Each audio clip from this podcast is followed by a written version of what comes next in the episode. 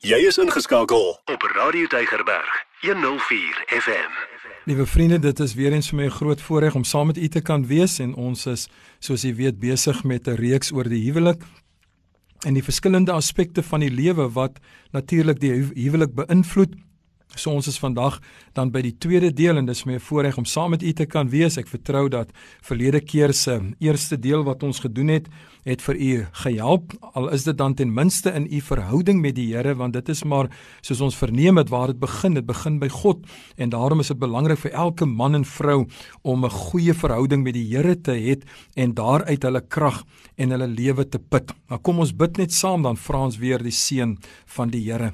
Hemelse Vader, baie baie dankie weer eens vir so 'n voorreg wat U vir ons gee dat ons uitgespaar kan wees, dat ons die voorreg kan hê om verder te kan gaan met u woord met betrekking tot die huwelik. En Here ons bid weer eens vir wysheid ons bid vir die leiding van u Heilige Gees om in ons lewens werksaam te wees. Ek bid vir ore wat oop is om te hoor wat die Gees van die Here wil sê vir 'n hart wat ontvanklik is om toe te laat dat die Heilige Gees daar hierdie woord kan kom bære, dat ons dit weer kan oordink want ons weet dat u woord keer nooit ledig na u terug nie. Ag Here, seën elkeen dan nou. Ek wil weer eens bid Here vir elke huwelik wat deur 'n moeilike tyd gaan. Ons bid u genade oor daardie huwelik af. Ons vra dat u Here sal kom ingryp. Ons vra dat u elke negatiewe gedagte wat het sy 'n man of 'n vrou vandag mee sit met betrekking tot hulle huwelik dat hulle Here sal vir hulself afvra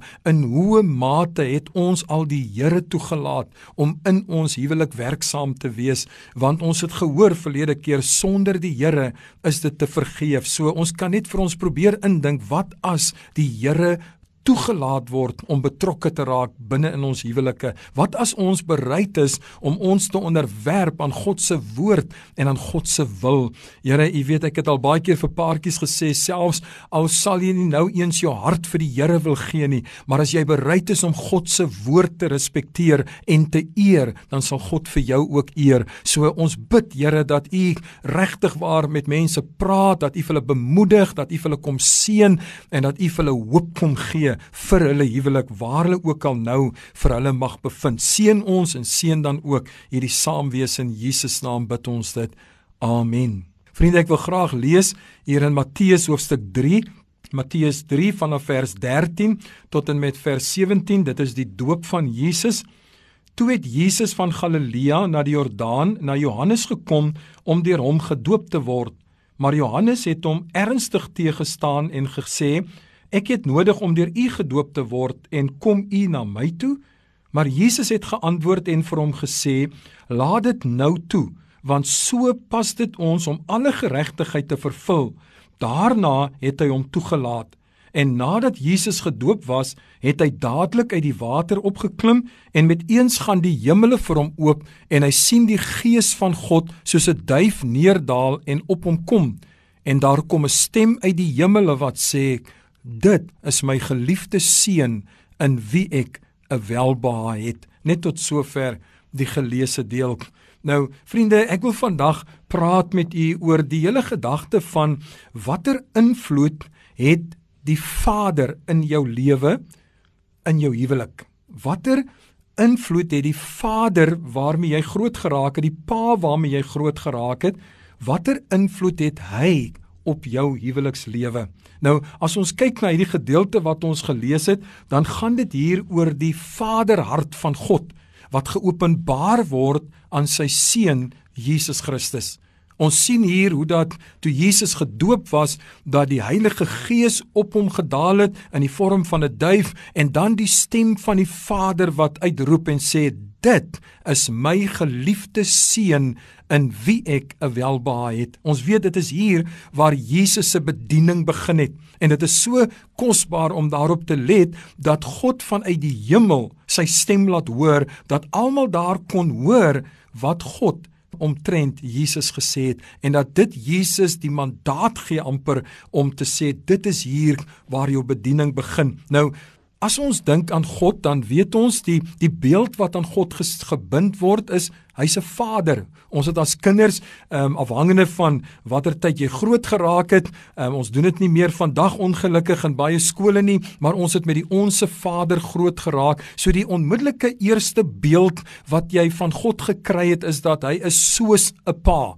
En al het jy hom nog nooit gesien nie, dan was dit moontlik om te sê wel as hy soos 'n vader is, dan ek het 'n pa in my lewe, so ek wonder of hy soos my pa sou wees. Ek wonder of hy net soos my pa optree en of my pa soos hy optree. Um wat is die verbintenis tussen hulle? Nou nou mag u vra nou wat het dit met my huwelik te doen? Wel, dit het ongelukkig alles met u huwelik te doen, want u sien die belewenis wat u van 'n pa sou sou het en wat ek van 'n pa sou het, dit bring in ons huwelike kom dit te voorskyn oor hoe ons dink oor hierdie figuur van 'n vader in ons lewens. So, dit is baie belangrik en u sal nou sien wat ek daarmee bedoel as ons hieroor praat want u sien vir die man in die eerste plek wanneer hy dan nou 'n pa word, dan is die vraag altyd maar hoe gaan hy dan nou 'n verwantskap kry om te weet hoe om as 'n pa op te tree en dan sal u vind enige man sal sê wel ek onthou hoe my pa opgetree het en dit is my verwysing dis my raamwerk. En dieselfde hoe dat 'n vrou 'n man as 'n pa in die huis benader en sien het baie keer te maak met wat was haar belewenis van 'n pa in haar lewe gewees. Nou, kom ek sê net vir u dit en dit is die hartseer statistieke van ons land op die oomblik en dit is dat die statistieke sê dat meer as 66% van alle kinders wat oor die laaste 4 jaar of wat geregistreer is het die ma nie inligting oor die pa kon gee nie. So met ander woorde, wat dit onmiddellik beteken is dat 66 uit elke 100 kinders wat geregistreer word, is buitekant die huwelik gebore. Daarom dat die man se besonderhede nie daar is nie. So hierdie 66 uit 100 kinders raak dan groot met of 'n pa wat glad nie daar is nie of 'n pa wat kom kuier, 'n pa wat nou en dan sy gesig kom wys en wat verantwoordelik is dalk vir 'n bietjie onderhoud of so aan, maar daar's nie 'n pa figuur regtig in sy lewe nie. Ons weet dat daar word gepraat in Suid-Afrika dat ons ons is besig met die ouma generasie. Dis die kinders wat deur ouma en oupa grootgemaak word en nie meer by ma en pa groot raak nie. So die kinders het nie die idee van hoe lyk 'n normale huishouding nie. So Dit is belangrik dat 'n mens dus moet weet die geweldige belangrike rol wat 'n pa in 'n mens se lewe speel. En kom ek sê net dit ook hier aan die begin dat as ons hieroor praat, dan is dit nie om vandag te besluit het ek 'n goeie pa of 'n slegte pa gehad nie. Dit is nie waaroor dit gaan nie, want ons is nie hier om ons paans te veroordeel nie. Dit gaan daaroor dat ek moet besef dat sekere eienskappe van my pa, sekere maniere waarop hy opgetree het dat dit het 'n letsel of 'n merk in my lewe gelaat en dit is baie keer die raamwerk waantoe ek terugval wanneer ek nie weet presies wat om te doen nie. Ek onthou dat ek het 'n man geken wat uh, aanvanklik nie baie van my gehou het nie. Ek moes daar kom kom preek daar waar hy was en hy moes my hy moes die ruimte skep sodat ek kon preek uh, want hy was in die posisie maar daar was iemand hoër as hy wat dit gereël het met my en en hierdie ou het nie baie daarvan gehou nie. So elke keer as ek daar gekom het dan dan het hy weggeloop en gesê daar is die mense jy kan hom maar dien sou maar ek loop nou eers en so het hy dit vir jare gedoen. En weet jy eendag gebeur dit dat hy ehm um, sê dat hulle is eintlik baie besig en hy kan eintlik nie nou vir my tyd gee om te 'n preek te lewer nie maar nou wel die die baas soos hy dit gesê het dit gereël so ek kan nou nie daarteen nie. Ehm um, en hy sê toe maar hy sal nou maar vandag instaan want hy wag net totdat hy klaar is dat hy kan aangaan met waarmee hy besig is. En ek sê dit is reg en en dit gebeur toe dat ek daardie dag spesifiek praat toe juis oor die rol van vaders en vaderskap in mense se lewens. En weet jy na die diens toe ek wegstap uh, na my voertuig toe toe kom hy agterna en hy's in trane en ek tog wat het nou fout gegaan en hy sê vir my weet jy jy het vandag gepraat oor 'n aspek wat my lewe verskriklik raak hy sê ek is 'n pa my kinders is nou tieners hy sê ek weet nie hoe om hulle te hanteer nie. Al die vrae, al die opstandigheid volgens hom. Hy sê en en weet jy wat is vir my so erg? Dit is wat my hart seer maak. Hy sê dat my pa is dood toe ek 5 jaar oud is en hy sê as so met my kinders sukkel en ek weet nie hoe om pa vir hulle te wees nie, dan sê ek baie keer pa, waar is jy? Hoekom kan jy nie vir my sê wat ek moet doen nie? Hy sê so vandag het jy iets oor iets gepraat wat diep in my hart geraak het en van daardie dag af het ek en hy vriende geraak en daarna was dit nooit weer 'n probleem as ek daar gekom het nie. Hy het elke diens ingesit, maar sommer net deur hierdie onderwerp het ons vriende geraak en ek is dankbaar vir die Here daarvoor. So so liewe vriende, dit speel 'n geweldige rol van wat jou beeld van 'n vader is wanneer dit ook gaan oor jou huwelik. So kom ek noem vier aspekte van wat 'n pa onder andere veronderstel is om te doen en die invloed wat hy veronderstel is om uit te oefen binne 'n huishouding. So, dit gaan nie nou in die eerste plek wat se pa is jy nie. Dit gaan oor wat was die voorbeeld wat jy in jou eie lewe ervaar het rondom vaderskap. So die eerste aspek as ek dit kan aanraak, praat van dat 'n vader is die een wat gesag in sy huis beoefen. Hy dra die gesag en ons het dit verlede keer gehoor Maar die Here het gesê jy's die hoof van jou vrou. So die vader dra die gesag in die huis, maar daardie gesag wat hy gekry het, het hy van God gekry. Dis nie maar net om ek is nou die pa en ek kan nou maak wat ek wil want ek is die gesagsdraer in hierdie huis nie. Nee, hy is God se verteenwoordiger in sy huis. So as ons sou vra, waar kry die gesag? Hoe moet hy hierdie gesag uitoefen? Dan is die antwoord eintlik eenvoudig, die woord woord van God is sy gesag. Met ander woorde, hy moet weet wat die woord van die Here vir hom sê met betrekking tot sy vaderskap, hoe dat hy dit oor sy vrou en sy kinders moet uitoefen. So, nou gaan ons terug. Wat was die voorbeeld van gesag wat u ervaar het in u lewe, in u huis waarin u groot geraak het? Want jy sien, ek onthou as kinders het ons altyd gewens ons kan groot wees. Want as ons na groot mense gekyk het, het ons gesien hulle kan maak net wat hulle wil. Hulle kan teenoor kinders optree soos wat hulle wil. Hulle kan rook as hulle wil, hulle kan drink as hulle wil. Hulle kan natuurlik motor bestuur en al hierdie dinge. So dan het jy altyd hierdie wens, ek wil ook groot wees sodat ek ook kan maak wat ek wil. Maar hierdie gesag wat die Here aan die pa gegee het, is nie om te maak soos wat jy wil nie, dit is om te op te tree soos wat die Here wil hê dat jy moet optree. So ongelukkig is dit baie kere dat dit gebeur dat die man sy gesag gebruik of kom ons sê dan nou maar misbruik amper want jy sien hy vloek op sy kinders, hy vloek op sy vrou. Hy sê net wat hy wil. Hy gooi die deure rond en hy gooi die die stoele rond in die huis of wat ook al. Hy gebruik sy gesag om dikwels sy kinders so te slaan dat die bloed loop. Hy gebruik soms sy gesag of misbruik sy gesag. Hy slaan sy vrou en dan is dit ongelukkig die gesag wat die kind sien wat uitgeoefen word. Dalk is dit 'n man wat wat aan drank verslaaf is of dan net hou van sy dop, maar elke keer as hy sy drankie gedrink het, dan verloor hy dit met betrekking tot sy vrou en met sy kinders. En weet jy wat altyd so hartseer is? As ek nou met met mense praat, met jong mense praat oor hulle lewens of so, dan sal die jong mens altyd vir jou vertel wat is sy huislike omgewing en omstandigheid. Nou veronderstel daardie jong man sou in 'n huis groot geraak het waar daar byvoorbeeld drankmisbruik was, dan sal hy vir jou sê as daar een ding is wat ek nooit wil doen nie, dan is dit ek wil nooit drink nie, want ek het gesien en gevoel hoe voel dit as pa of pa en ma in die huis drink. Weet jy wat gebeur gewoonlik wanneer daardie jong man ook 'n man word en hy neem 'n vrou en as kinders dan begin hy ook te drink. Gewoonlik sommer as hy 'n vrou gevat het.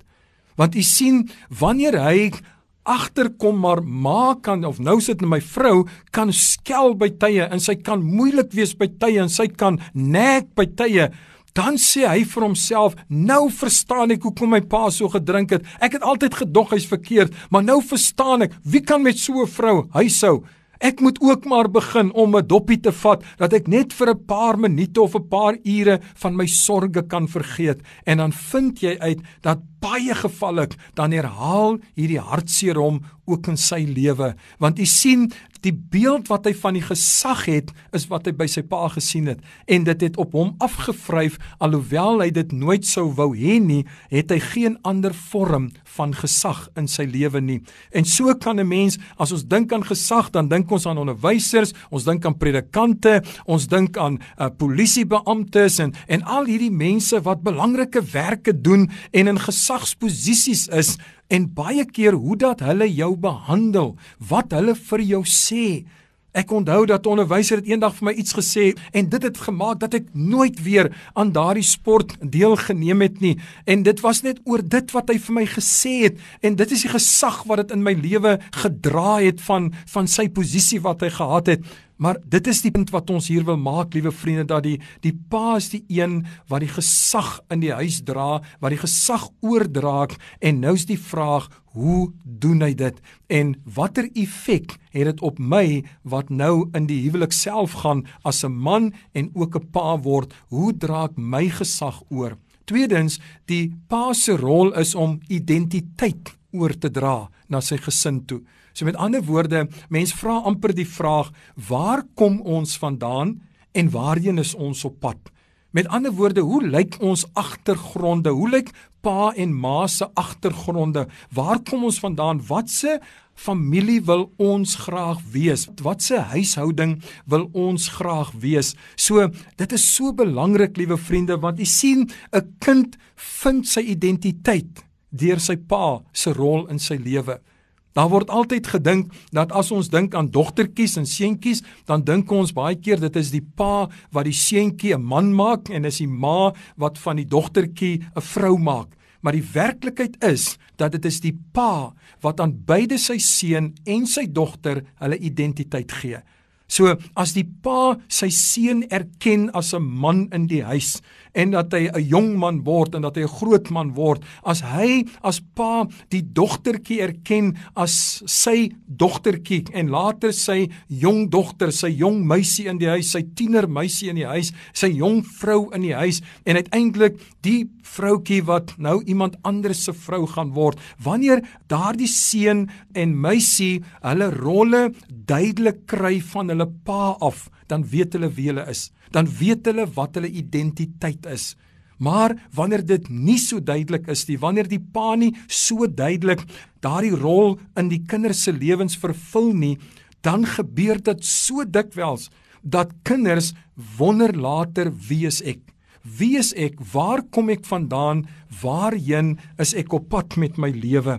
En dit is so belangrik dat dat manne dit moet weet, dat paans dit moet weet dat ons dra daardie identiteit oor. So as ek wil hê dat my gesin 'n 'n geestelike gesin moet wees, dan moet ek geestelik wees. As ek wil hê dat my gesin 'n biddende gesin moet wees, dan moet ek 'n biddende man wees. Ek moet die voorbeeld stel. Ek moet die identiteit oordra. Ek moet bid oor my kinders, ek moet bid oor my vrou. En daardie identiteit is wat die man dan ook oordra na sy vrou toe. Dis wie ons is. Dit is wat ons wil wees. Dit is die die nalatenskap wat ons wil nalat van wie ons is en ons wil dit by ons kinders kan nalat. So dis baie belangrik dat manne moet weet dat wat jy in jou huis doen vir jou kinders en baie keer dalk waar hulle ook nie sien wat jy doen nie, dit is waarvoor jy die deur ooplaat. Dit is wat jy uiteindelik die identiteit van jou huishouding kan maak. Daarom, jy weet, dis is altyd interessant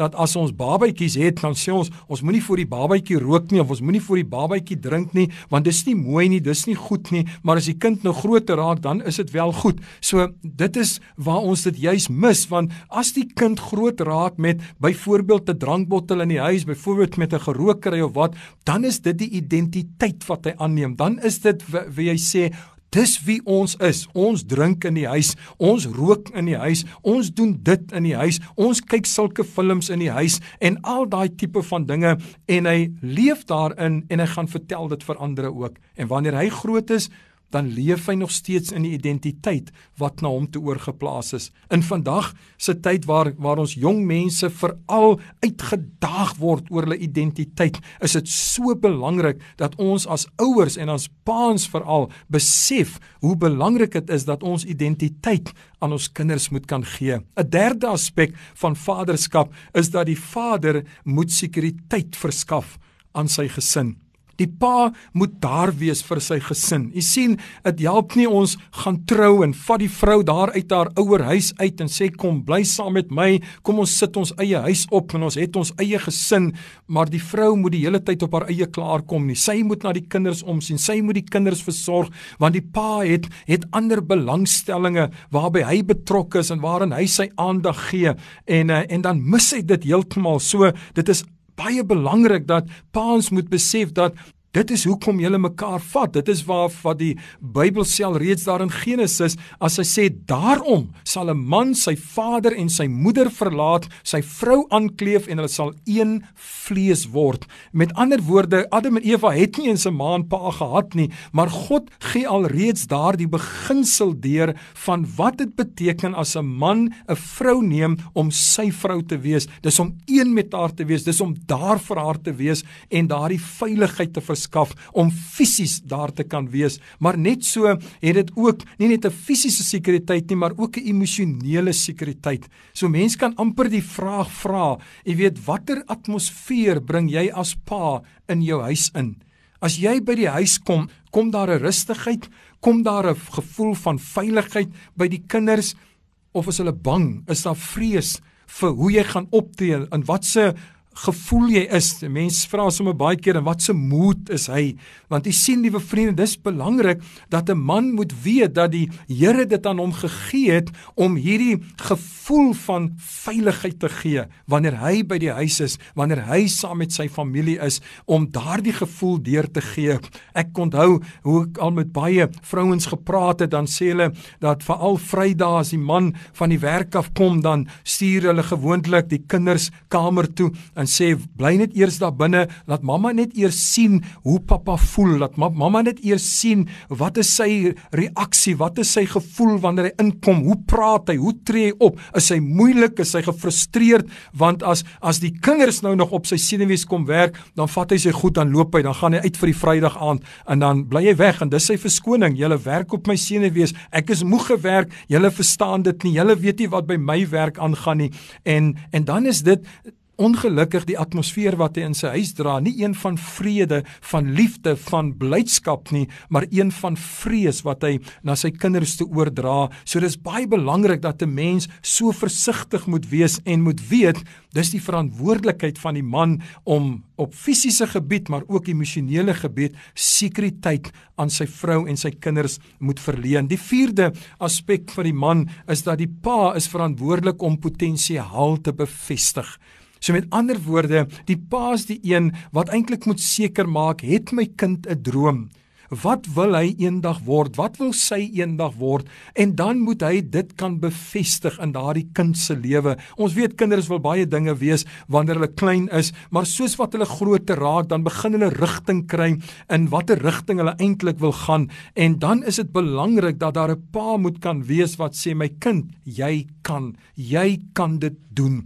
Dis altyd so interessant as ons dink aan kleiner kinders, as hulle speel en hulle doen iets dan is dit altyd interessant om te hoor hoe hulle roep pappa kyk kom kyk net wat ek doen. Kyk waarmee ek besig is. En dan ja mamma kan ook kom maar pappa is die eerste een wat hy of sy graag wil goedkeuring van ontvang. Daarom is dit ook belangrik dat 'n pappa vir sy dogter moet kan sê dat jy 'n pragtige meisie is dat 'n pappa vir sy seun moet kan sê jy's 'n sterk jong man. En ek bedoel nie sê dit nou maar net nie. Nee dat jy dit bevestig dat hy is 'n man dat sy's 'n vrou sy's sy's pragtig sy's geliefd Jy sien wat baie keer gebeur daar buitekant. Dit is wat gebeur is dat soms dan vra ons die vraag, hoe dit gebeur dat hierdie meisietjie met hierdie man getroud raak. Jy weet, want hy het geen respek vir 'n vrou nie. Hy gee om vir niks en vir niemand nie. En sy is sy is dalk 'n gegradueerde persoon. En nou vra ons, hoe werk dit uit? En weet jy baie keer as jy gaan gaan praat met hulle, gaan stil sit sê, "Hoe het julle mekaar ontmoet? Hoe het julle by mekaar uitgekom?" Dan vind jy uit dat hierdie man omdat hy met sy kop werk. Kom ek sê dit sommer net hier so vinnig dat onthou 'n man werk met sy kop terwyl 'n vrou met haar hart betrokke raak, is 'n man met sy kop betrokke. So daardie man het geleer om al die regte woorde vir hierdie jong meisie te sê wat sy dalk nooit by haar pa gehoor het nie, wat sy graag wou hoor. Maar dalk het sy vloekwoorde gehoor. Dalk het sy gehoor hoe dom sy is. Dalk het sy gehoor sy's goed vir niks nie. En nou hoor sy by hierdie ander man hoe goed sy is, hoe mooi sy is, hoe hoe fantasties sy is, die vermoëns wat sy het. En dan raak sy lief vir daardie man want dis wat haar hart wil hoor. So dis belangrik dat 'n pa moet weet dat hy die potensiaal het om sy kinders te bevestig in hulle te posisies sodat hulle nie val vir die strikke wat die Satan so maklik vir hulle stel en oral vir hulle stel in elk geval nie, maar dis belangrik dat ons vir ons kinders en kom ek sê dit, dit geld ook vir ons vrouens dat 'n man moet kan opmerk wanneer sy vrou 'n nuwe haarstyl het, wanneer sy 'n nuwe rok aan het, wanneer sy iets verander het aan haarself, Want hoekom doen 'n vrou dit? Sy doen dit vir haar man in die heel eerste plek. Sy wil graag sien dat hy dit raak sien. Hy moet die eerste een wees wat haar komplimenteer. En dan gebeur dit mos nou so baie kere dat dat jy gaan kerk toe byvoorbeeld en by die kerk sien almal jou vrou te nuwe haarstyl en jy het dit nog nie opgelet nie en die seer wat dit vir haar gee. Hoe is dit dat almal dit onmiddellik sien, maar my man saam met wie ek elke dag is, het dit nog nie raak gesien nie. So dis belangrik dat 'n man moet weet dat hy is die een wat hierdie potensiaal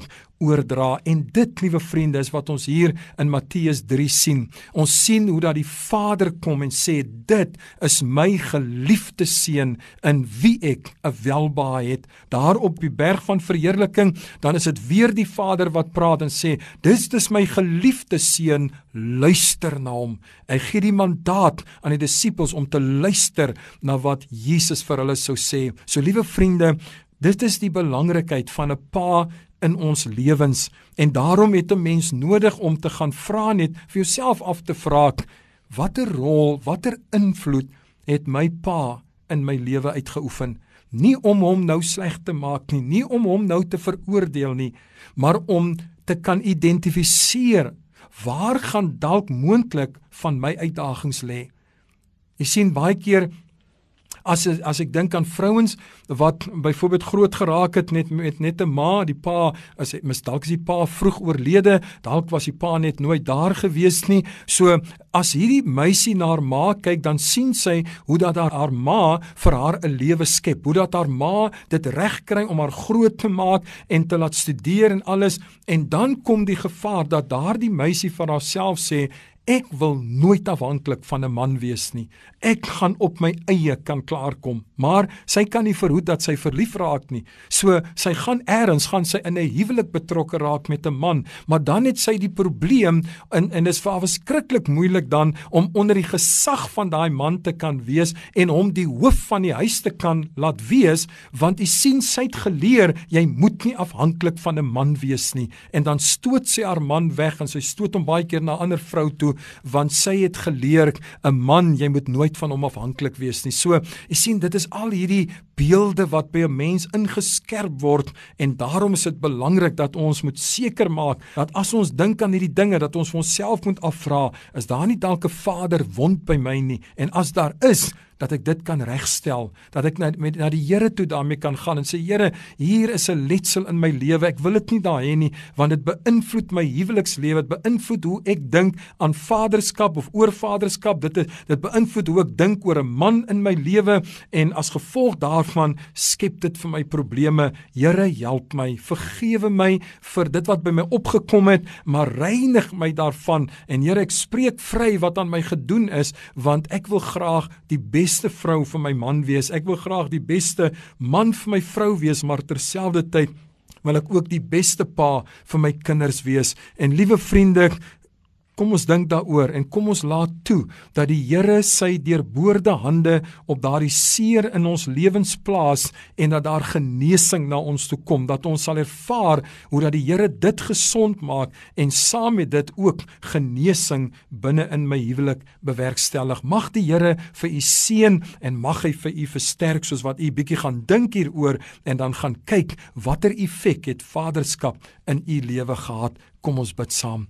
Hemelse Vader, ons wil U loof en prys vandag om net te kan weet dat U die Here is. Ons wil kom dankie sê dat ons besef dat U self 'n Vader is en dat U ook aan ons getoon het U Vaderliefde aan U eie seun. Dankie dat U vir ons kom toon het wat U van Jesus gedink het. Daarom kon U sê dit is my geliefde seun in wie ek 'n welbehae het. Luister na hom. En Jesus kon sy hele bediening met daardie versekering uitleef. Ek en die Vader is een.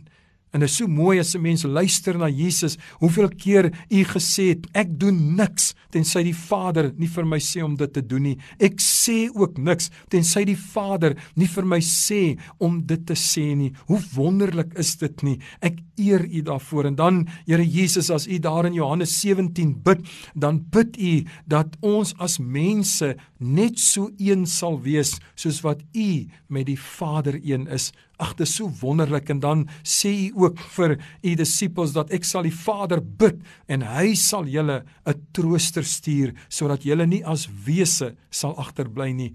Dankie dat u ook vir ons se Vader is en dankie dat ons in u vaderlike liefde genesing en herstel kan vind in Jesus naam. Amen. Elke dag jou nommer 1 keuse. Radio Deugerberg 104 FM.